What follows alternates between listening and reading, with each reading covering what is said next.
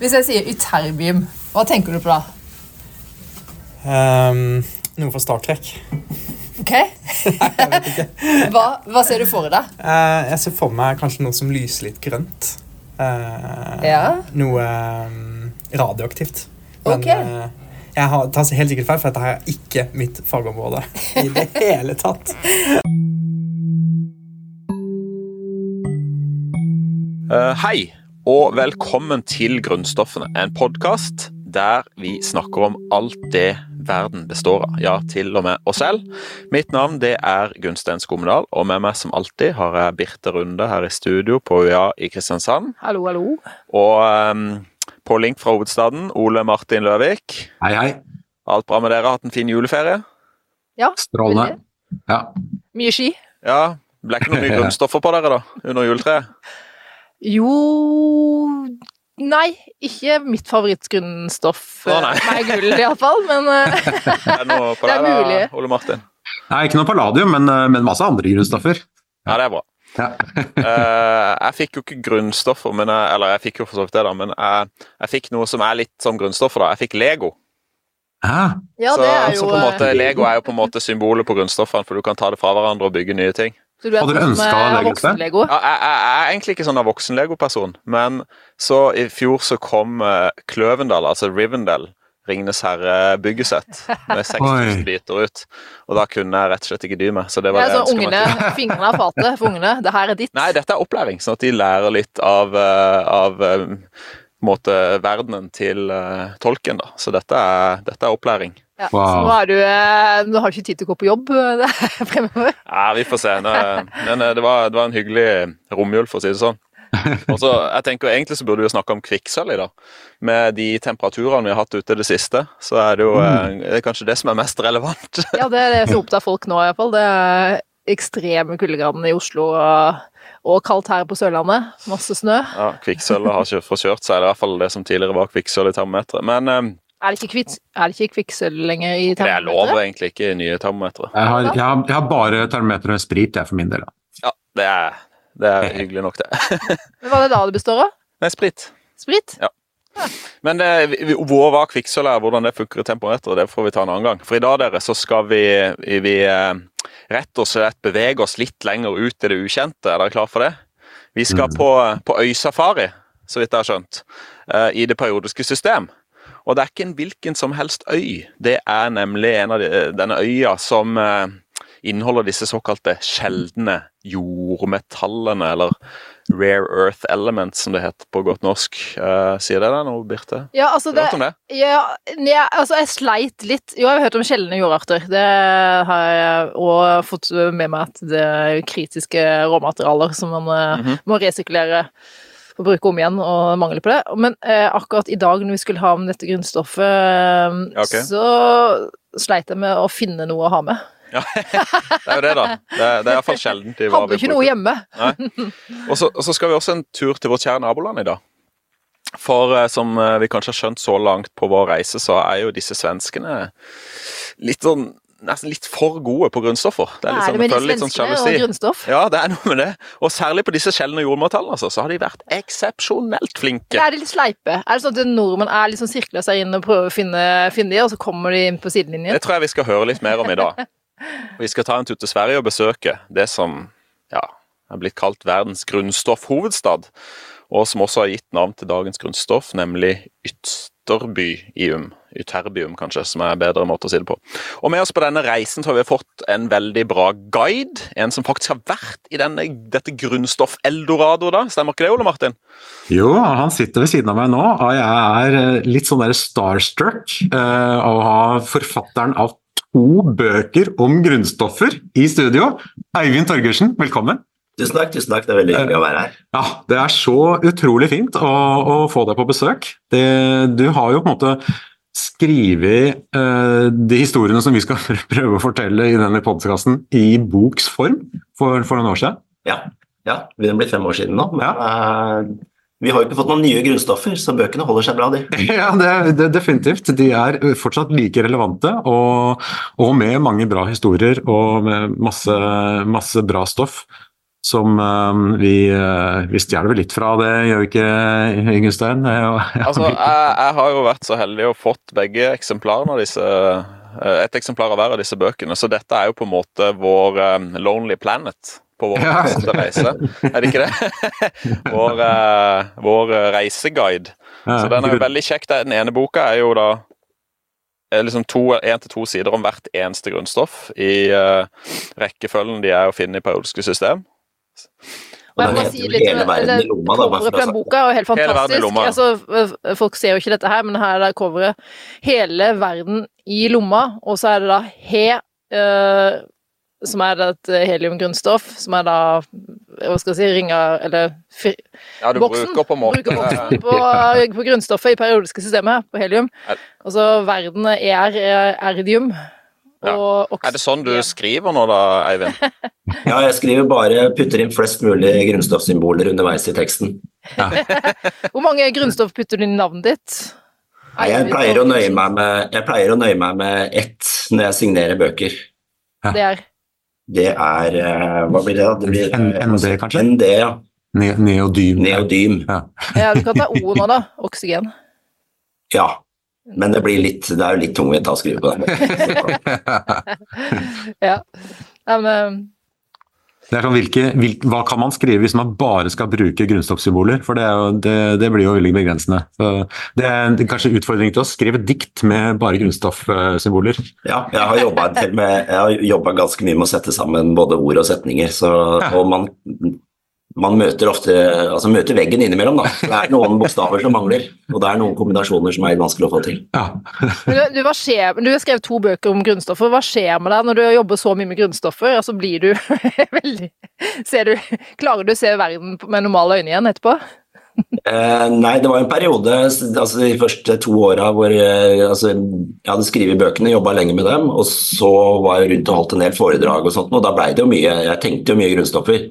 Og jeg ble vel litt sånn forsiktig kalt grunnstoffentusiast eh, når jeg dukka opp eh, forskjellige steder. Så nei da, men jeg lever et rimelig normalt liv eh, utenom. Eh, men det blei mye grunnstoffer i en periode. Men vi må spørre om hva, hva som er favorittgrunnstoffet ditt, da. Ja, det, og det er, det er thorium.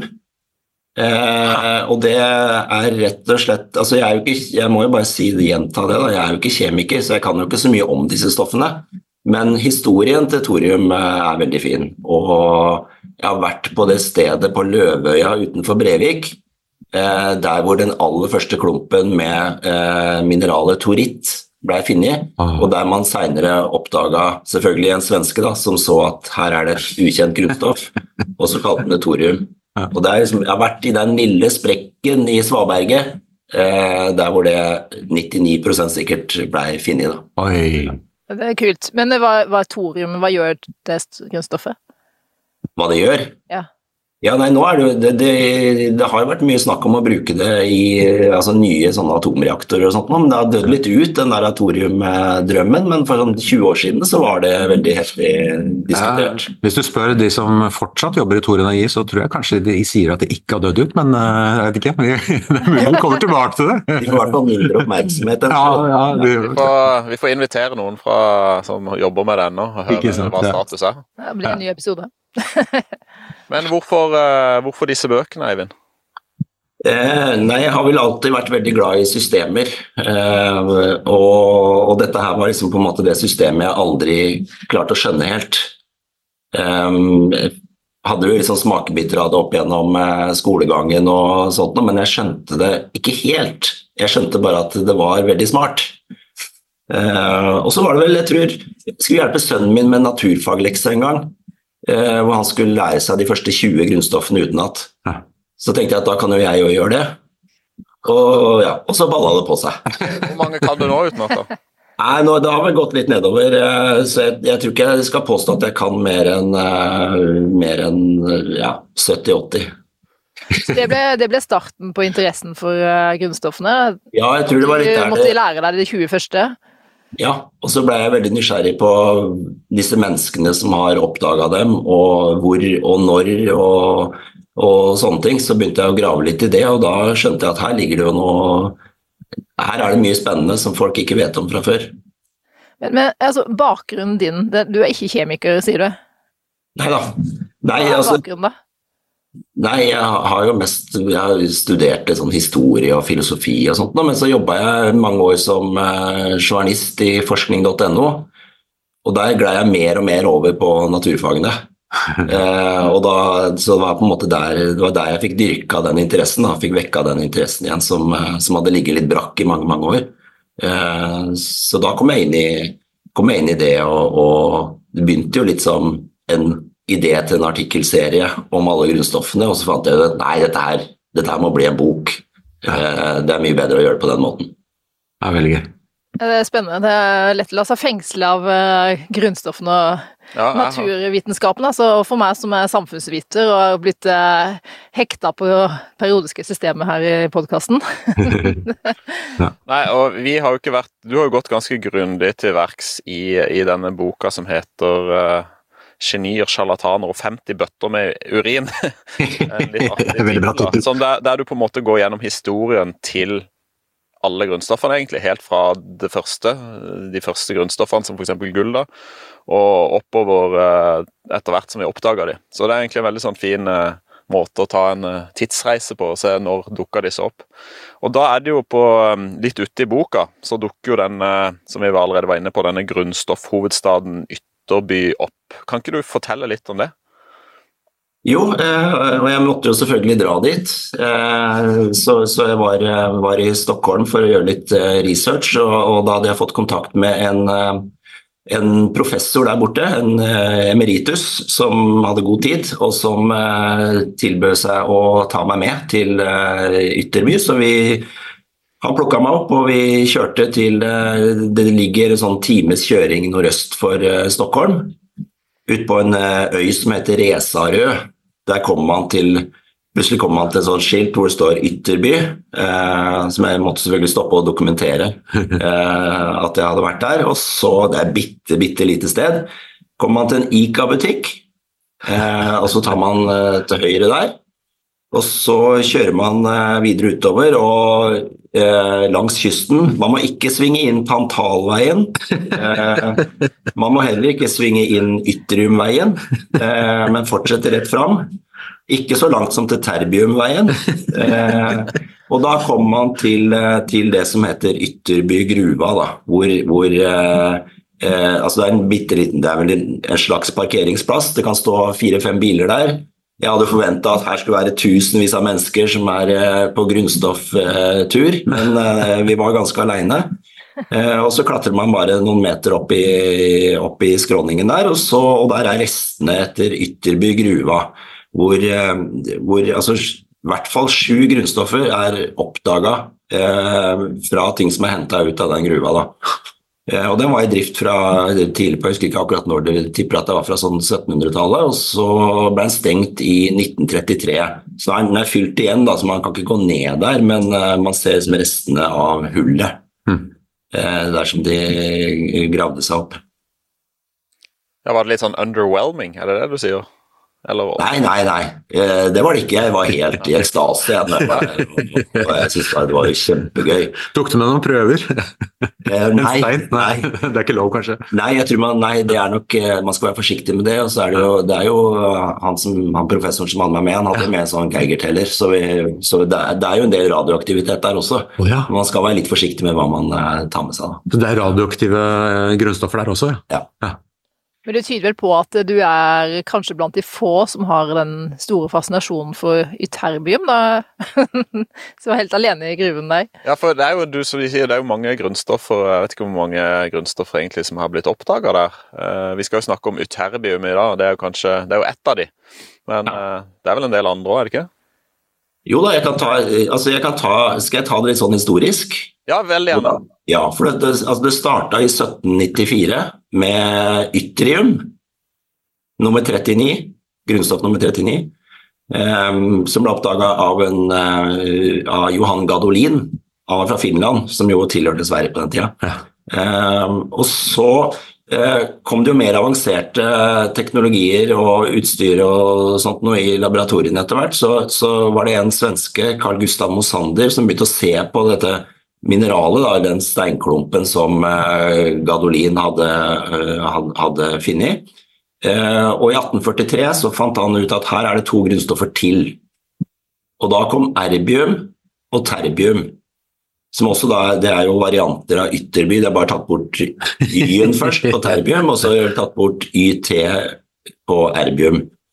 Um, og der var det, det, ble litt sånn, det var litt diskusjoner etterpå om de faktisk var grunnstoffer og, og sånt noe, men eh, de ble enige om at de var det. Men under de diskusjonene så bytta de og Jeg har ikke funnet ut hvordan, men de bytta, de bytta sånn at det som eh, Mosander i 1843 kalte terbium, det er det vi i dag kaller erbium.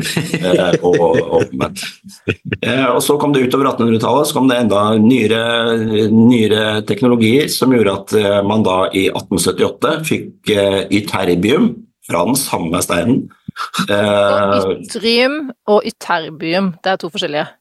Ja, ja. ja. Mm. Men alle, men, også, men eh, du hører hvor det kommer fra, da. Mm. Og så kom, eh, Da måtte de slutte å bruke Ytterby som, eh, som navn, da, men Holmium kom. Og Holmium det er det gamle navnet på altså det latinske navnet på Stockholm. Og så kom Scandium og Tulium. Er alle de fra samme gruve? Ja. Ja, ja altså fra, fra samme prøvene. Til og med samme stein, på en måte? Samme stein, ja, som har alle de uh... Ja, for det, det, var jo ikke når, når, de fant ytterium i 1794, så var jo ikke det rent ytterium. Det var, jo, det var, jo, et mineral med ytterium i, og så viste det at det var mange andre ting inni der også. Og så har jo også, altså Du har faktisk også to til. Eh, dysprosium fra 1886 og lutetium fra 1907, som også på en måte er en del av den rekka. da. Men der er jeg ikke helt sikker på om Der vil jeg ikke påstå at det er fra den samme, samme steinen. Men, men, det har røtter i Ytterby, alle disse her, da. Fascinerende hvordan de, de, um, Hva skal vi kalle de? Oppdagerne? Opp, grunnstoffoppdagerne satt der og fant på navn på alle de stoffene. Hvordan de kom på de navnene. Det var litt fantasiløst, vil jeg si, når det er fint ja. på navn sammen. Det ble liksom Ytrium junior, på en måte. Ja. Var ikke det som var kjernekompetansen deres, å finne på nye navn? Nei, kanskje ikke. Den tredje. Ja, på den tida der var det jo ikke noe I dag er det strenge regler for hva, hva man skal kalle eventuelt nye grunnstoffer, og de skal gjennom prosesser og de skal diskuteres og, og sånt. Sånn var det jo ikke på 1700- og 1800-tallet. Da var det Finneren eh, bestemmer. Den som ropte høyest, eh, på en måte. Ja. Men han der gadolin, det høres jo veldig ut som et grunnstoff, det også? Uh, ja da, vi har jo gadolinium, ja. uh, som også ligger Det ligger jo også nede i den samme rekka av det som jeg kaller uh, lantanoidene, som, altså blant disse sjeldne jordartsmetallene. Ja, ikke sant? så han fikk jo et grunnstoff oppkalt etter seg. Ja. Jeg har lest noen steder at det grunnstoffet også kommer fra Ytterby, men det, ifølge mine opplysninger så gjør det ikke det. Det kommer fra et annet sted i Sverige som har en lignende historie, men den skal vi spare. Ja, ikke sant? Ja. For det blir en annen, annen historie? Ja, okay. ja nei, han, har, han har grunnstoff eh, oppkalt etter seg. Ja. Og vel fortjent. Ja, ikke sant. Ja. Det er morsomt. Ja, den som levde på den tida. Men du, hvis vi tar dagens grunnstoff, så eh, vi må jo, måtte jo liksom velge et grunnstoff, og i dag er det jo uterbium. Det er jo kanskje det som Der har du jo hele bynavnet, iallfall, i, i grunnstoffnavnet. Men eh, har dere noe for, Eivind, Ole Martin, Birte, har dere noe forhold til uterbium da, som grunnstoff, utover det at det kommer fra Sverige? Eller ble oppdaga i Sverige, og gitt navn etter en by i Sverige? Så jeg hørte først om det grunnstoffet eh, for uh, kort tid siden. Okay. da gjorde jeg et lite Google-søk og fant ut at det kan være litt sånn toxic. Ja. stemmer det? Det kan være litt giftig? Ja, Eller? Ja, ja, ja, ikke sant. Jeg skal også være ærlig at, at, det er vel ikke et av de grunnstoffene som jeg har studert. Jeg har jo nevnt tidligere at jeg jobber jo med å med sånn derre uh, High throughput screening kalles det på, på nynorsk. altså sånn, Man leter gjennom hele periodetabellen etter nye materialer, stapler dem sammen på nye måter. altså Sånn som Lego-settet til Gunstein. liksom, altså kan du, kan du, bygge en Jaguar ut av byggesettet til Tolkien? liksom, altså, og, så, og så prøver vi oss fram med det. Men, men Ytterbium og de andre lantanoidene de er um, ja, For det første så er det jo Eh, litt vanskelig å regne på, rett og slett. Jeg driver med, med sånn utregning. Eh, Og du, du har noe som kalles for F-elektroner, som er, ligger langt ute i skallene i atomene. og det, det, gjør at det er litt vanskelig å regne på det på en, uh, på en pålitelig måte. Det er ikke umulig, um, så vi gjør noe av det. Men i tillegg så er det jo ganske sjeldne Eh, de kalles sjeldne jordartsmetaller. Eh, det er liksom forskjellig hvor sjeldne det er, men eh, de, de, er dermed litt dyre. Og de er også da, dermed også ofte på den lista av det som kalles for kritiske materialer. Og hvis vi forsker på noe, så vil vi gjerne erstatte noe som er kritisk, med noe som ikke er kritisk ikke med noe som er mer kritisk. Så det er sånn, de, de er liksom ikke øverst på lista av, av, grunnstoffer som vi gjerne vil bruke til noe. Så, så jeg har, kan ikke mye om ytterbium før denne episoden, det skal jeg innrømme. Så det er ikke noe poeng å grave opp mer ytterbium, med andre ord? Nei, det må vi nesten komme tilbake til. Ja. Det, det fins noen unntak. Ja. Eivind? Ja, det, de, de, er, altså de, er, vanskelige for dagens eh, forskere. Så kan du tenke deg mm. hvordan de var for, eh, på slutten av 1800-tallet, når det strømma på mm. med nye grunnstoffer som virka altså Man skjønte bare at de var veldig like. Eh, Ligna veldig på hverandre. Ja. Eh, og dette var jo før man visste noe om elektronskall og, og ja. den slags. Så de skapte store problemer for um, altså Dmitrij Mendeleev, som jo lagde det første Eh, periodiske systemet eh, i 1869, eh, så kom det liksom et ras av, sånne, av disse grunnstoffene her, bl.a. ytterbium, da, bare ti år etterpå. Han ante jo ikke helt hvor han skulle plassere dem. Nei. Fordi at de, de, altså de kunne ikke nok foreløpig. All, alle andre grunnstoffer som dukka opp, de passa perfekt inn i systemet. Men, men disse her ja, sjeldne jordartsmetallene, de, de, de, var en, en hodepine. Eh, jeg tror ikke han altså Han fikk ikke orden på det før han døde, men eh, det var først seinere igjen, da, ut på, ut på, godt ut på 1900-tallet, at man klarte å plassere dem på en måte ordentlig i systemet. Ja. Og det er jo i dag de ligger jo, ikke sant, alle, Vi har jo alle plakater med det periodiske system hjemme. selvsagt, selvsagt. Eh, og eller vi har, de, altså vi har sett det i lærebøker eller hvor som helst, så ligger jo alltid disse her, det ligger en egen blokk der nede, under systemet. Eh, og, og, det var noe som jeg i min uvitenhet eh, grubla fælt på. Hvorfor ligger de der? Og da, jeg var over 40 år før jeg skjønte hvordan eh, det periodiske system egentlig ser ut. Eh, hvis, du klipper opp, altså hvis du klipper opp systemet mellom, altså mellom skandium og titan, og flytter de to bitene fra hverandre, og så setter du da disse, disse to radene som henger nedi der. Eh, lantanoider og aktinoider. Og så setter du de inn, skyver de inntil eh, barium og radium. Eh, så får du, du får et dobbelt så bredt eh, system, nesten. Men da ser du hvordan det egentlig ser ut. da. Og da, da, da, gikk det et veldig sånn lys opp for meg. Da var hele Å ja, men det er sånn det er! Eh, men av praktiske grunner da, så, så, må man liksom slenge de nedpå der. Ja, ja da så skjønner jeg det. Det er jo ja, fordi jeg hadde ikke fått plass sånn grafisk sett på Nei, det vil, rett og slett. Lærebøker Så egentlig designmessig. det er satt opp som Det er design. Grafisk design. ja. Det, det finnes jo sånne alternative måter å tegne periodesystemet på. Sånn, du lager som en spiral, f.eks., og masse sånne andre fancy måter. Tredimensjonalt uh, tegna, f.eks.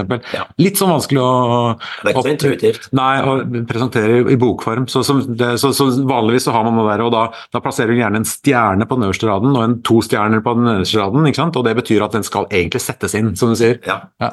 ja men det er veldig Jeg måtte faktisk gjøre det. Jeg printa ut et stort ja. Eh, system, og så klippet jeg opp. Og så limte jeg, teipa jeg sammen. Så jeg fikk liksom systemet sånn som det egentlig ser ut. Da, ja, veldig bra. da skjønte jeg det. Ja, Det er det man skal henge på veggen, med andre ord. Ja, egentlig. Ja. Ja, veldig spennende. Jeg har jo faktisk, eh, jeg har faktisk et lite forhold til Uterbium. Tro det eller ei. Oh. Jeg, har stått i hanskeboks og jobba med Uterbium. What? Eh, metall, metallisk ja, For du må stå i hanskeboks fordi at det er giftig? Nei, det, nei, det er litt at Ja, det er, det er, ikke så giftig som mye annet, men det er litt sånn at det skal være rent, for det oksiderer jo litt og sånn. Hvordan ser det ut? Eh, nei, det er litt sånn eh, metallisk, eh, og så er det litt sånn mykt. Så altså, jeg, jeg klippa det faktisk med saks. Sånn farge? Ja. Metallisk farge? Ja, litt sånn gråaktig, litt sånn skinnende. Så, så, det er jo vanskelig å skille det fra mange andre. Men det var liksom litt sånn mykt, og det ble opp, eh, oppbevart i parafin, så du kan kjøpe det på sånne kjemi... eh, Kjemi.com. ja, noe sånt. Og så, eh, så får du det på parafin, og så tok jeg det ut og tørka det, og så klippa jeg det opp, og så tilsatte jeg det da. Og det, det jeg kan fortelle litt om seinere, men jeg har med meg noen prøver her. Jeg kan ta det seinere. Wow. Hva faktisk Uterbium kan uh, brukes til. Så det, det får vi komme tilbake til. Altså, det kan brukes nå. Det kan brukes til noe. Uh, men uh, før det så tenkte jeg nå må vi, nå må vi snakke litt om komme litt inn på dagens grunnstoff Uterbium. Så vi får hoppe over til vår spalte Faktaboksen. Der vi prøver å gå litt gjennom liksom, hva er dette grunnstoffet. Og da eh, jobber sånn at jeg spør om litt eh, faktaopplysninger, og så eh, Eivind, du er førstemann til å svare. Og så hvis det er noen andre som også har lyst til å svare, så gjør vi det. Eh, og som alltid så må vi begynne med fakta nummer én. Hva er atomnummeret til eh, ytterbium? Det er 70. Helt riktig. Det husker jeg faktisk når jeg googla. Er det et av de du kan, på en måte? Ja, nå kan jeg det, men jeg måtte friske det opp. De er, det er veldig vanskelig å holde orden eh, på, på den der rekka der, altså. Må du lage deg noen sånne regler, da? Ja, eh, jeg har prøvd på det. Ja. Men særlig når du skal prøve å huske terbium, terbium, erbium eh, Ja, søren. Ja, sånn.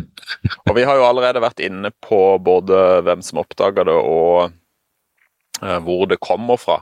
Så vi trenger kanskje ikke å si så mye om det. Hva var det han svensken het igjen? Nei, vi nevnte, jeg tror ikke jeg nevnte hvem som oppdaga terbium. Eh, For det var, det var en franskmann eh, som het Jean de Marignac. Og det var ikke en svenske. Nei, det var ytterium, det. Det var yttrium. Ja. Men ytterbium ble oppdaga av en franskmann. Ja. I Sverige. Jeg tipper at han gjorde det i eh, Frankrike, men at han har fått sendt prøver nedover. Jeg tror det stemmer. Ja. Ja. Ok, eh, hva med mm, litt sånn eh, fakta rundt eh, atomvekt, eller molvekt, da? Vet du det? Ja. Det er jo mye mer enn eh, 70 ganger 2, så det er, jo- det er jo mer enn ett nøytron per proton i eh, kjernen. Så det er over 170, faktisk. Så det er mer enn 100 i I gjennomsnitt mer enn 100 eh, nøytroner per proton. For det er jo det som styrer atomvekten. Hvor mange protoner pluss nøytroner det er i kjernen. Jeg sitter, her med, fa jeg sitter her med fasiten. Det er en bok som heter 'Hele verden i lomma'. Der står ja, det Det er akkurat det. Du har 73,05. Ja, det er egentlig det er jo litt dumt å spørre deg om dette, for det er jo egentlig, jeg har brukt din bok som fasit her. Så dette er egentlig bare sjekk at du, du, du husker det du har skrevet. Jeg Klarer å slå opp i din egen bok. Betyr du har brukt ChatGPT til å skrive boka? eh, hva, hva, da kan du bare si meg hva, hva tettheten til dette materialet For det syns jeg er litt fascinerende med disse rare earth-tettheten. Ja, det står 6,9 kilo per liter, men jeg er ikke helt sikker på hva det betyr, eller hva det sammenligna med andre ting. Jo, men det, for det, det syns jeg er rart, for eh, vi hadde jo gull forrige gang. Og jeg vet ikke om dere husker hva tettheten til gull er? Husker du det? Nesten 20. Ja. Ja, det er jo veldig høyt. Ja, så Og, men, og dette er jo bare 6,9. Det er jo Tre ganger så tungt. Ja. Ok, sammenlignet Sammenligna med gull, så er det en tredjedel Men det har jo nesten samme antall uh, protoner. Fordi gull har 79, og dette har 70. Så hvorfor er det Jeg skulle jo tro liksom at eh, jo flere nøytroner og protoner du har i kjernen, desto høyere tetthet får det. Men sånn er det jo ikke. Hvorfor det, egentlig? Vet du det, Ole Martin? Ja, nei, jeg vet ikke sånn, sånn 100 riktig. Jeg er ikke forberedt på å svare som en, som en forelesning akkurat her nå. Nei, nei, bare tenk litt Men eh, det, det, dette har jo med, med hva slags elektroner som er rundt der. Jeg nevnte at eh, her, her er det plutselig kommet det vi kaller F-elektroner. er, og de, de, de som husker det fra, fra kjemien, så er det liksom S er inne, så, så kommer P, og så D, og så kommer F. Så sånn SPDF er det navn på de skallene som, eh, som elektronene er plassert i. Og med en gang du får eh, elektroner som er veldig langt ute i F, så, så tar de veldig stor plass. Altså. Så, så de eh, elektronene holder liksom kjernene langt fra hverandre. Så det blir mye tomrom mellom kjernene. Og, og dermed løsere, selv, løsere bindinger, med andre ord. ja, så selv om kjernen veier ganske mye, da, du har altså 173 ehm, eh, er, det, det er jo det som veier noe. Elektroner veier jo ingenting. Så, så, så selv om de kjernene veier ganske mye, så, så blir ikke tettheten så stor, for det er så mye tomrom mellom dem. Mm. Tomrom som stort det, sett er fylt. du sa jo det at du kunne klippe det opp. Det kan du ikke med gull. Eller Ja, det, det er iallfall mye lettere å ta på enn gull. Ja. 6,9 er ikke så mye. Det er litt mer som de andre metallene, som jern og sånn, i samme, samme Men kan man si det at molekyl... Nå skal jeg prøve meg litt på her naturvitenskap, som jeg overhodet ikke kan. Mo molekylbindingene er løsere. Ja, bindingsenergien, det vet jeg ikke, men, men det er jo klart eh, Det, det kan godt hende Mm. Men jeg tror faktisk at uh, hvis du har et, et, en rent gull som er tynt, en tynn eh, stripe, så kan du klippe opp det også. Det er også Ja, mykt og duktilt på akkurat samme måten. Enda mykere, kanskje. Ja, for disse metallene er ofte ganske duktile når de er helt i ren form. Det er først når Ja. du begynner å legere de opp med masse Hva rare kalte ting du det? de. Buktil? Duktile, ja, unnskyld. Duktil, Eh, altså at de er ja, formbare, at de, du kan klippe de, du kan bøye de. Bøye det også. Ja. Ja.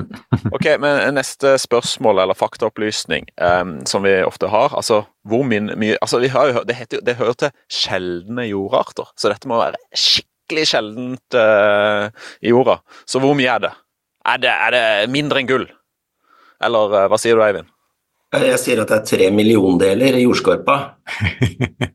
Tre milliondeler, ja. Stemmer det? Det sto jo til og med i fasiten din. Ja. Hvor mye er det gull i jordskorpa, da? Ja, Husker du hvor mye gull det var i jordskorpa? Ja. Fem, fem billiontedeler.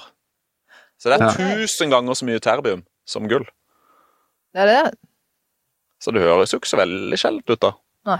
Det er også dobbelt så mye terbium som det er tinn. Men, men, men eh, hvor i verden er det Ja, hvor i verden finner vi disse disse terbiumforekomstene, da? Er på det Kina. bare Ytterby, eller er det overalt? Det, er vel, det tryggeste er jo alltid å svare Kina. eh, jeg tror det Ja, det er en gjenganger her, på, den, Ja. på akkurat på dette spørsmålet. Kina og Russland. Det er vel en del i USA og andre steder også, men så er det noe med gruvedrift da, som eh, eh, er litt vanskelig å få til hvis du har eh, et demokrati, sånn at eh, folket kan bestemme hvor de vil ha gruveavfall og sånn dritt. Ja. Mm. Ja, og det som du nevnte, var jo det at eh, på en måte, det, det var Én stein kunne inneholde liksom 10-12 forskjellige av disse grunnstoffene. Eh, Så eh, det er vel litt av det som er at det, det er ikke veldig vanlig å bare utvinne ytterbium. du, du tar ikke en ytterbiumgruve, men det er kanskje en gruve da som utvinner alle disse sjeldne jordmetallene, og så, så er ytterbium en del av det, da. Og Ja, det er nok sånn, ja. Ja, og Kina har, produserer da Jeg fant ikke tall på uterbium, men på, eh, på disse rare earth elements, sjeldne jordmetallene, så dominerer de med 95% av verdens produksjon. Mer- Heldigvis så er det ikke noe sånn krit, så veldig mye ting som, som du er helt avhengig av. da. Eh, Nei, ikke ytterbium kanskje, men kanskje Nei. noen av de andre. Det Noen av de andre er mye mer kritiske for oss. Men, men eh, det, er litt, det er litt fascinerende. Hva er det med Kina og det er så mye mineraler i Jeg tror det er også det at de bruker så mye ting, fordi de, er en, altså de har en stor industrisektor, så de bare har behov for det. Og så har de Ja. akkurat dette med rare earth, det er jo en, egentlig en veldig spennende historie, for det var jo det tror jeg, det var en sånn strategisk satsning fra Kina på Så har de ikke så- 80-tallet, på en måte, at eh, 90-tallet, at vi, vi skal bli størst i verden på disse sjeldne jordmetallene. Så har de kanskje ikke så strengt miljødepartement i Kina? Det kan du godt Kina? si, nettopp. Mm. Det, det er sikkert ikke Jeg tror at- Jeg tror at dette, Nå skal jeg komme med en, politisk uttalelse, eh, så eh, politikere hører etter. Eh, Ja. Jeg tror at dette er bare en, ett av de feltene hvor Kina har gjort en strategisk eh, plassering, hvor de har bestemt seg for at vi skal kontrollere dette. Så de eh, åpna masse gruver, eh, begynte å selge alle disse grunnstoffene og, og mineralene eh, til en pris som er så latterlig lav at eh, ingen andre gruver i verden omtrent klarer å konkurrere. Eh, Så gjør de det så lenge at de må stenge ned, og kompetansen forsvinner. Og så skrur de opp prisen igjen. Jeg føler jeg har hørt den historien. Vi hadde jo magnesium her. Ja. det var jo akkurat det samme. Og, eh, og det som er kritisk akkurat nå, er at eh, nå, dette skjedde jo med solceller for, eh, for noen år siden.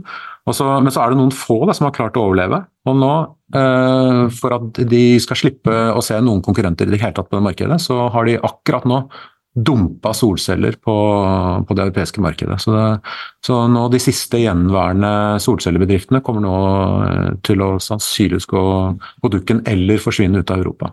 Det er, er veldig, veldig eh, Jeg syns det er opprørende at eh, de får lov til å gjøre det, og at, at ingen, ingen i Europa, i hvert fall ikke Norge, prøver å jobbe noe politisk med å forsøke å berge denne industrien, som er veldig, veldig viktig for, eh, for hele verden. Det er dette vi skal leve av etter oljen. si. Den, Ja, det- I det perspektivet, når vi snakker om energi, så er det sol, solceller og sånne ting. Solceller og andre materialer, det er helt kritisk. Og disse eh, sjeldne jordmetallene altså, eh, Som vi er inne på, det, det, det er Kina som dominerer produksjon og utvinning i dag, men det er jo ikke sånn at det ikke bare finnes i Kina. Hva med Norge da, Eivind? Vet du det? Har vi noe ytterbium i Norge? Nei, det vet jeg ikke noe om. Hvis, hvis vi har det, så tipper jeg det er eh, i Grenland, eh, i Fensfeld, eh, at, det er noe- at det er noe der. For der er det jo, Ja. det er jo et sånt område altså det er, det er ikke tilfeldig at, at den svenske skjærgården har gitt masse spennende grunnstoffer. For det er et område altså Det er jo disse geologiske prosessene da, som har fått det nesten til overflaten akkurat der. Det, og Fensfeltet eh, i Telemark er jo noe av det samme. hvor liksom du, Man vet at det er mye spennende der nede, eh, men eh, man vet ikke om det er verdt å, om det man kan tjene noe penger på det, eller om det liksom, akkurat hvor mye det er. Men hvis det er noe i Norge, så tipper jeg at det er der. Men, eh, men eh, det har jeg ikke noe fasit på, altså. Så det er liksom i nærheten av, av sjøen der um, det befinner seg? Det tror det er jeg sånn geologiske prosesser, eh, altså akkurat hvorfor det er i Fensfeltet. Det hadde vært gøy å få med noen fra NGU eller noe sånt, eller eh, noen som kan om Fensfeltet. Hvorfor, hvorfor har vi akkurat disse sjeldne jordmetallene akkurat der? Jeg sjekka, jeg sjekka faktisk, de har gjort sånn der, eh, hva heter det, masse sånn eh, prøveboring, ikke sant, for å se hva er det Og der, der fant jeg ut at uh, ytterbium De hadde også analysert for ytterbium i Fensfeltet. Men ytterbium var et av de de var minst av, da. Men uh, det var liksom Det det er mye sjeldne jordmetaller der, altså. Ja. Så, så det er jo kanskje det man kan Altså sånn sett, da, eh, som du sier, Ole Martin, vi er helt avhengige av noen få land i verden produserer veldig masse, men det betyr jo ikke at ikke det fins andre steder. Norge Nei. er jo en eh, Du snakker om havbunnen nå? Nei, nå snakker jeg om uh, under fjell og fjorder Nei, fjell og jorder og så videre i Telemark. Det er vel der dette er. Jeg har, jeg har et tall på på det. havbunnen, blir det Altså, blir Er det noe Det kan sikkert også finnes på havbunnen, ja, absolutt. Så, men, eh, men det er kanskje ikke det Gjør første ikke så- stedet man skal gå til. er litt mer Jeg, tungvint? jeg, jeg har et tall på hvor, hvor mye det fins, uh, rett og slett. Altså det, det, nå så produseres det uh, omtrent 50 tonn i året, som uh, jo ikke, ikke er noe veldig stor eh, mengde eh, i sammenlignet med en del andre grunnstoff. Men det fins eh, en million tonn i reserver. Så, så dette er ikke noe av det vi går tom for først, for å si det sånn. Nei, så Egentlig så burde det jo vært et av de du prøvde å bruke til nå, da, når du drev med sånn der eh, Ja, det kan du si. Og det, det er vel også Jeg vet ikke om vi skal begynne med det nå, men det, det, det står vel på agendaen eh, hos noen å bytte ut noen av de mest kritiske grunnstoffene med Ytterbium, faktisk, og, og, og kompani. da. Burde kanskje rename da, fra sjeldne til ikke fullt så sjeldne. Eller kalle dem lantanoider, da, som jo er Ja, eh, mer korrekte eller eh, presise navn. på. Ja. Lantanoid. Ja, for det-. Det uttrykket, altså sjeldne jordarter og sjeldne jordartsmetaller, det er jo noe som stammer fra 1700-tallet og 1800-tallet, så som ikke nødvendigvis eh, Da visste man jo ikke så mye om dem. Nei, akkurat. Hvor mye koster Ytterbium da, hvis jeg uh, skulle gått og kjøpt det? Mindre enn gull. Ja, men Det må det jo tusen ganger mindre, da, siden det finnes tusen ganger mer, kanskje. Nei, jeg tror ikke det er så stor forskjell, egentlig. Eh, Det, det, jeg, jeg så at det er en, kanskje en eh, femtedel sånn av gull. Okay. Eller kanskje en, til og med mindre enn det- enn det. Jeg Har ikke du kjøpt noe på kjemi.com? Jo, eh, det var noen andre som har kjøpt det, men jeg bare sjekka nå. Det er vanskelig å finne skikkelige priser da, i store volum, ikke sant? for det produseres i små volum, så da blir jo prisen høy. Men det ligger liksom mellom 50 og 100 dollar kiloen, så vidt jeg fant. Men det som er interessant, at i 2010, da drev Kina med sånne eksportrestriksjoner på disse lantanoidene. Og da, da sjekka da økte prisen opp til 60 ganger på noen av disse. What? Det er jo helt vilt. 60 ganger økning. Så plutselig ble det jo eh, nesten like dyrt som det gull. Hvorfor det? Nei, det, det var at fordi de har fullstendig kontroll på markedet. Ja. Så de kunne bare si nei, da skal ikke vi eksportere mer. Og da er det jo klart, da blir jo prisen deretter, når tilbudet nesten forsvinner. Eh, Så nå burde du bare kjøpe seg noen Ytterbium-barrer og ha liggende eh, sammen med gullbarrene sine under senga. Det er nye valutaer nå. kanskje det. Ytterbium. Ok, du er Sist, men ikke minst eh, rundt faktaboksen. eh, Hva bruker vi Er det noe vi bruker ytterbium til? Og i så fall hva? Ja.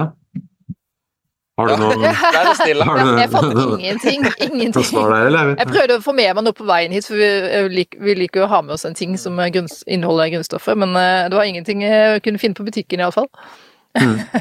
Jeg vet at man har lagd atomklokker med ytterbium. Eh, og de hadde, eh, altså i hvert fall eh, for noen år siden, så hadde de verdensrekord i nøyaktighet. Um, Jeg tror de fortsatt har det, faktisk. Ja. Det var noen år siden, ja. Men eh, ja, veit du, vet du nøyaktigheten, eller? Sånn. nøyaktigheten, ja. Eh, de ville gå maksimalt ett sekund feil i løpet av hele universets levetid til nå. det er helt crazy. så, Som andre ord ikke så veldig bra klokke. Ja, det, det er veldig bra klokke. Veldig Jo, veldig bra. Ett sekund. hvis du går ett sekund feil på hele universets sekund. levetid. Ja, ok, da. På hele, hele universet. Ja. Ja. Så det er en presisjon på 1000 millioner milliarder. Med Men sånn klokke så har du i hvert fall ikke noen unnskyldning for å komme for seint igjen. Uh, noe annet da det brukes det? Om ikke bare ytterbium, da, men litt sånn sjeldne jordmetaller, og der i et- ytterbium er en av de. Jeg vet om en morsom eh, anmeldelse.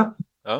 Eh, Men du har, du har sikkert en eh, mer en fasit også, Eivind? eh, Nei da, jeg- skal jeg kom- skal jeg komme? Skal jeg komme- Jeg er ferdig med mitt. Ok, jeg, jeg kan komme med røntgenapparatet, for det er noe okay. som, som faktisk fins. Et sånt portabelt røntgenapparat.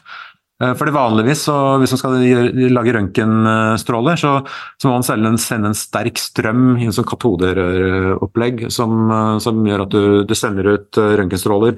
Og det tar masse plass. Uh, Det er sånn, på tannlegekontoret så har du, har du der svære armen og greier, og det, det er uh, eh, komplisert. Men uh, ytterbium er faktisk sånn at en av de radioaktive isotopene eh, slipper ut eh, gammastråling, som jo ikke er røntgen, men ikke, det er ikke så langt unna. Det er sånn, eh, sånn eh, snill gamma, på en måte. Og den gammastrålingen kan brukes til sånn enkle røntgenoppgaver. Så ikke, ikke å ta bilde av tanna og se om hull i tanna, liksom, men, men, men eh, vi skal gjøre noe sånn eh, enkel røntgen ute i felt da, eh, av eh, et eller annet eh, eh, materiale eller sånn som du vil gjennomlyse. Så, så det er rett og slett en sånn, sånn eh, portabelt røntgenapparat, rett og slett. Kan i Terbyen brukes den. Skulle hatt en sånn, ja. Okay. Ja, det har vært artig. Jeg ser også en annen ting som for det er et av de få metallene som blir til halvleder når du øker trykket veldig mye. Så jeg så at det hadde blitt brukt til å måle trykk ved noen sånn atomeksplosjon og litt sånn forskjellig. Ja. Men nå beveger vi oss veldig langt ute i sære Ja, Men da kan vi vel konkludere med at ytterbium ikke er så veldig uh, mye brukt, da. Nei, så det, det er kanskje en utfordring til deg der, Ole Martin, se om du finner noen kule Ja. nye bruksområder, metaller som inneholder ytterbium. Og det er jo kanskje det som er med disse sjeldne jordmetallene. Det er ikke sånn at du bruker rent ytrium, eller ytterbium eller eh, noen av disse, men du bruker det kanskje mer som en sånn tilsats for å få Ja. noen spesielle egenskaper. Kan du kanskje lage noen sånne kule James Bond-spioneffekter? Sånn røntgenbriller Det brukes i, i, faktisk i, i Jeg sjekka det. Det brukes i LED og litt laser og litt sånn type Ja, ja, ja, ja. optiske applikasjoner, tror jeg. Elektronikk. Men da i veldig, veldig små mengder, da. Ja, ikke sant? Sånn, du bruker noen uh, milliontedeler av ytrium, ytterbium for å få en, en eller annen farge eller et eller annet sånt. Ja. Det som Hva heter kalles han er oppfinneren i James Bond? Han uh, Q. The Q. Ja, han har Han sikkert bruker funnet sikkert noe. ytterbium. Ja. Ja, absolutt. Ja, han er helt sikkert en, en liten boks med ytterbium på, på kontoret. ikke sant? Ja. Ja, så det, det brukes det, det som da kalles for doping. Vi kommer til å komme tilbake til det flere ganger. Men, eh, men doping er jo, det har jo eh, ikke noe med å gå fortere på ski å gjøre, men eh, det er rett og slett å tilsette veldig små mengder med, med et eller annet eh, tilsetningsstoff. Det blir som krydder i suppa, liksom. Og så, og så endrer du helt eh, egenskapene til, til ting. Og det var jo faktisk det jeg gjorde da når jeg holdt på med doktorgrad her. Eh, da, og jeg kom borti å klippe ut terbium. Så jeg har med et par prøver eh, som jeg kan vise deg, Det er kult. eh, Birte. Ja, se her, Så dette er rett og slett uh, Det er en liten bit. Det hva, du kan forklare. Det er faktisk holde den i hånda. Oi, den var veldig lett. Det ser ut som en liten sånn superlett aluminiumsbit. Ja, det er, det, det er rett og slett en liten pellet. En pellet, ja. Uh, Ja, Det ligner på en sånn halv Du vet sånn eh, batteri du Sånn Ja, ja. ion Det heter ionbatteri. Det er rett og jeg har kutta en pellet som er litt sånn, en Ja, ja. sånn skive i to. Og det, det som er, er det greia der, det er rett og slett uh, et materiale som heter skutteruditt. Ah. Som, eh, det skal vi i hvert fall snakke mye om uh, seinere, for det er jo oppkalt etter uh, Skuterud i Modum, der som blåfarverket ligger. Eh, og det er rett og slett et koboltantimonid som, eh, som har eh, Jeg jobba med en doktorgrad på termoelektriske materialer, vi har snakka om det før, ikke sant? det er mange te gøye termoelektriske materialer. Skutroditt er liksom et av de lovende termoelektriske materialene. Den den inneholder yterbium. Ja. Ja. Uh, og tingen er, uh, dette burde vi kanskje tatt en egen termoelektrisitetsepisode, Ole Martin, for det er noe Ja, vi liker veldig godt. Men, men det handler om ikke sant, materialer som kan omdanne varme til strøm. Så du kan bruke til spillvarmegjenvinning osv. Var veldig, veldig lett forklart. Uh, men det som er greia med også skutteroditt, det som er kult med skutteroditt, det er ganske de inneholder noen sånne store hulrom inni på en måte mellom eh, kobolt eh, og antimon-atomene. Og da er greia med doping, ikke sant. Du kan tilsette noen litt sånn store, klumpete uh, uh, atomer inni denne gitterstrukturen for å endre på egenskapet til materialen. Og akkurat på dette så det, Kanskje du kan forklare det bedre enn meg, Ole Martin? Hva, er- hva er det som mener skjer du- når du du doper med sånn uterbium? da? I mitt tilfelle så brukte jeg uterbium, som er tilsatte til skutteroditten for å Ja. endre på Det blir som, bølge, det blir som bølge, bølgedempere, fordi du vil at uh, disse, disse materialene du vil at du ikke, de ikke skal lede varme så godt. Og varme er jo egentlig bølger gjennom materialer. Så, så de, de demper de bølgene som, som kommer. Så det blir som å legge sånn store klumper på, på opprørt hav, og så, og så kan du få en sånn smul havn på baksida. baksida da, sånn at du, du har lav temperatur på den ene sida og høy temperatur på den andre sida. Det er typisk sånn som du må ha i disse termoelektriske materialene. Det er er du liksom en sånn molo, da, nesten. Foran Ja, det blir som ja, sånn molo som er oppå, og den- oppå inn i vannet. Ja. Men kan du da bruke den f.eks. i sånn sirkulær økonomisk sammenheng med, med sånn sidestrømmer og omforme varme eh, Ja, det var tanken. til energi? Du kan andre? liksom lage skutteret ditt, dope det med eh, noen av disse sjeldne jordmetallene, f.eks. yterbium, som jeg testa. Og så da kan du da få mye lavere du, termisk ledningsevne. Det betyr at mer av varmen kan bli til strøm isteden. Det, det finnes norsk industri som holder på med dette her, og jeg tipper at vi kommer til å invitere noen til en senere episode. Ja, absolutt. faktisk, faktisk så kan yterbium få en ny renessanse med det grønne skiftet. Ja, det, det, det, det er ikke umulig, i hvert fall. Men det er liksom sånne ting da som er interessant. For det, disse sjeldne jordmetallene det er jo sånne ting vi, vi oppdaga Nå var det 17, at- eh, nei, nå var det 18 1800-tallet, men det er kanskje først de siste årene at vi begynner å ha nok eh, kunnskap til å regne på dette, Ole Martin, ikke sant? og skjønne hva kan vi egentlig bruke dette til. Ja, ja. Nye ting. Ja, og der, er- har jeg et spørsmål til dere som eh, forsker på dette. her. Hvis, hvis man, skal, man har et materiale og så vil man dope det med yterbium f.eks.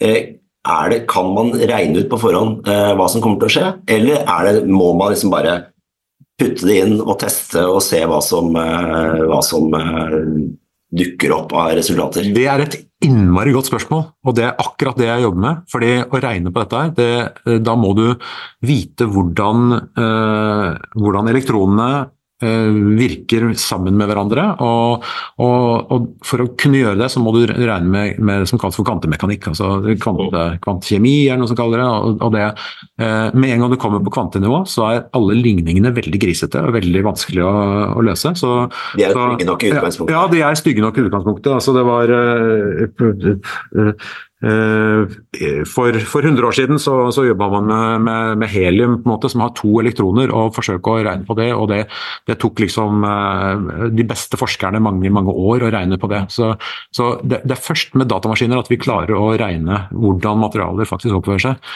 Men nå har vi i løpet av de siste årene så har vi begynt å regne på det så bra at vi kan gi eh, eh, innspill til, eh, til de som gjør eksperimenter på laben, om at eh, du kan bare glemme å eh, å dope med erbium f.eks. Altså fordi hvis, hvis vi prøver det, så, så, så ser vi at, uh, at istedenfor så dannes det bare en, sånn, en annen fase som, eh, som, som vil ikke dopes, det har ikke noe løselighet i gitteret. på en måte. Altså, det er sånn, Du kan si at uh, dette saltet vil ikke løse seg i vann, kan, uh, kan man kanskje regne på. Og, og vi kan også si at disse atomene, dette grunnstoffet, vil ikke la seg løse i dette materialet.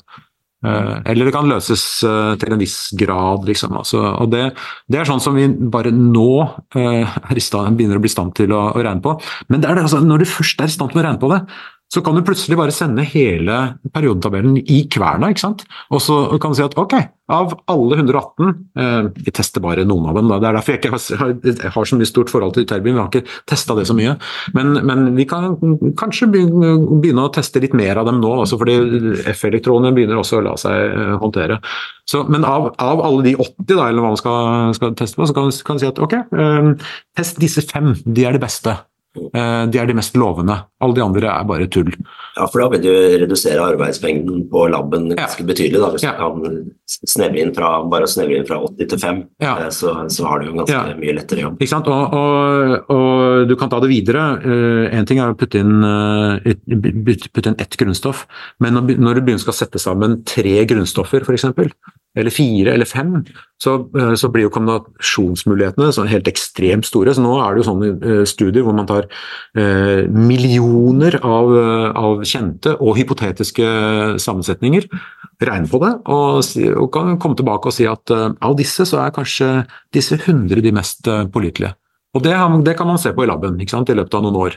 Men de, den der studien, den der screeninga som vi holdt på med, det kan kanskje også gjøres på et år. Så, så, det er ikke noe du gjør hjemme på laptopen, dette her? Nei, det er det definitivt ikke. Vi bruker millioner av CPU-timer på tungregnanleggene i, i, Norge, vi da. Så, så det, det, er en, det, er en, helt ny virkelighet, altså. Mm. Ja. Så det var et godt spørsmål, takk for det. men, eh, men altså, Ytterbium er på en måte grunnstoffenes steroid, det, det du sier. Doping. Kan du, hvis, hva skjer hvis du spiser uh, Ytterbium, da? Funker det liksom for mennesker? Man bruker det som Blir sterkere bedre Jeg tipper at det ikke er noen som har testa toksisiteten til, til terbium som sådan, men det, det regnes ikke som blant de giftigste. Men eh, det er irriterende og for sikkerhets skyld så, så, skal man ikke ha det løst og ta på det og sånn. Og, og dessuten så er det sånn, sånn at selvantenner, hvis du har terbiumpulver i luft, så begynner det å brenne. Eh, av seg sjøl, for det reagerer så, så, så godt med oksygen. Så, og de gassene som avgis da, er ikke helt greit å få i lungene. Så, så det er sånn det, det, det, er ikke lista som veldig giftig, men, eh, men oppvar det trygt, liksom, hvis du har litt uh, terbiumpulver liggende hjemme. Så.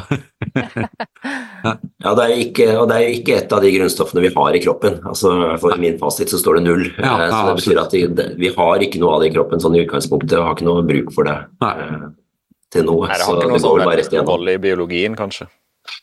Nei, jeg tror ikke jeg, jeg har ikke sett noen, eh, noen, biologiske gunstige virkninger av det heller. Det eneste jeg har sett, er at eh, det går an å lage yterbiumfluorid, som er et uh, stoff, materiale som det går an å putte og bruke som plomber i tennene. Yes. Og, altså, og da. Ja, og det, det, har faktisk blitt brukt. Da. Du kan få det. Du kan spørre tannlegen neste gang har du noe terbiumfluorid til neste plomben min. Liksom. For det, da uh, slipper du ut litt fluor. Som jo uh, er akkurat det du vil ha i tennene, som, som uh, erstatter fluor. Det jo veldig smart, da. Ja, ja. Så plomber med naturlig fluor som siver litt ut i tennene. Ja, rett og slett. Så slipper egentlig å huske på den tannpussen. ja, ikke sant. ja, hvis det siver ut, da vil jo tanna bli borte etter hvert òg, da.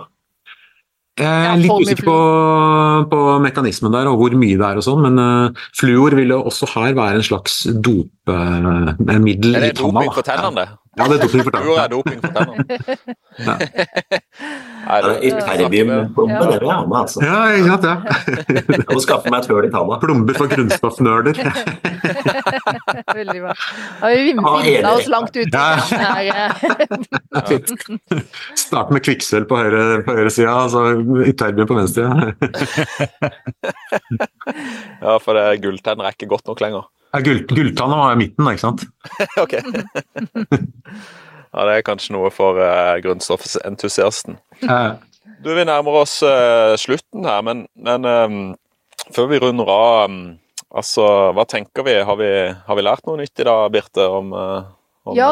terbium eller andre ting du Ja, jeg syns det var veldig interessant å endelig få litt mer grep om hva uterbium egentlig er, og hva det muligens kan brukes til. Ja. Um, og at det kanskje ikke er det jeg kommer til å, å dumpe borti så ofte. Nei, og sånn er det jo med en del av disse grunnstoffene vi skal snakke om i denne podkasten. Det er noen som kanskje ikke er like Men samtidig, alle fortjener litt oppmerksomhet, føler jeg. Og det er alltid et eller annet som vi har hørt i dag også, til og med med uterbium. Altså, Ja, sånn som noe- eh, naturlig tannpus. eh, Ikke sant? uh, og atomklokka, da. Jeg syns atomklokka er helt fantastisk. Ja, Faktisk. Det Den, den burde jo egentlig- alle, alle, ja. det, det, det burde jo bli den nye stanseren, hvis den er liksom tusen ganger bedre enn de andre. Så det er nesten litt rart. Ja, det, men det er ikke bare bare, da, for liksom du skal få uh, enkeltatomer til å sveve uh, i rommet, liksom. Så det, er- det, er- det er ikke noe du har på kjøkkenbenken hjemme, altså. Ja, så var det de røntgenbrillene eventuelt, da, som kanskje vi kan lage av uh... Ja, sånn gamma, gamma Ja. Mm. Ja. Istedenfor Ray-Band så har vi Ray Gamma. Ytterbium bands. Du, Eivind. Hva blir ditt neste bokprosjekt, da? Er det noen andre Ja, nå jeg, har beveget, sitter nå og jobber med neste bok eh, og beveger meg fra kjemien til biologien. Eh, tar for meg systemet deres. Altså med arter og slekter og sånt noe. Eh, altså, Det er fremdeles systemet du er opptatt av, men nå ja, eh, det, det henger fast der på et vis, da. Det, Forstå systemet. Ja, og det systemet, altså det periodiske systemet var jo vanskelig å forstå, men det er jo i hvert fall oversiktlig og fast. og Når du først, når du først har det, så har du det. Eh, disse slektene og artene biologene holder på med, det er jo bare hypoteser, og de flytter rundt på, altså de blir flytta rundt på Slekter blir splitta opp, og ting endrer navn. Og, så der er det jo, Sammenligna med det periodiske system, så er jo biologien bare et eneste stort kaos. Det, er, det holder ikke med et lite kart på innsida av en permen i en bok, liksom. Nei, og de har, jo, de, har jo, de har jo mange millioner de skal holde orden på, da. Så det er jo, de har jo mer å passe på. Men, eh, og det er veldig mye gøy der, men eh, mye mindre oversiktlig enn det periodiske system. Ja. Du, Har du noen tips til oss da på veien videre i denne podkasten? Må vi ta en tur Ja. til Ytterby? Ja, Dere burde jo ta en tur, ha en eh, episode, ta opp en episode i Ytterby. Eller eh, dere kan dra til Jeg har drevet litt med sånn grunnstoffturisme. da. Eh, Jeg nevnte Løveøya utenfor Brevik. Men også altså London, i kjelleren i Royal Society, så oppdaga Humphrey Davy flere grunnstoffer. Eh, og Der er det fint å være. Uh, Ah, nettopp. kan dra til, dra til Berkeley og se på syklotronen der, hvor jeg har vært inni og sett på. Der er Ja, det massevis ja. av grunnstoffer. Så, ja. Hvis dere skal ut og reise og lage spesialepisoder, så er det mange steder å dra. Oi, oi, oi, oi, oi. Ja, det blir spesialepisoden uh, ja. ut. altså. på, på tur med det periodiske Da har vi jo på en måte reiseguiden her, da. Ja, Med, Ja, det blir vimsete, vimsete reise utenlands. Så vi kan Ja. anbefale alle som lytter på oss, eh, å, å sjekke ut disse bøkene, disse reiseguidene ja, og eh, pocketutgaven av Hele verden i lomma. Men eh, for å komme tilbake til Ytterpå helt til slutten, altså, tok du inn på grunnstoffhotellet, da? Eller er det, er det liksom sånn der grunnstoffturisme rundt der, eh, Der? Har de klart å utnytte det? Nei, de har noen plakater og plansjer som forteller litt om historien til gruva og Ja. hvilke grunnstoffer som er oppdaga derfra.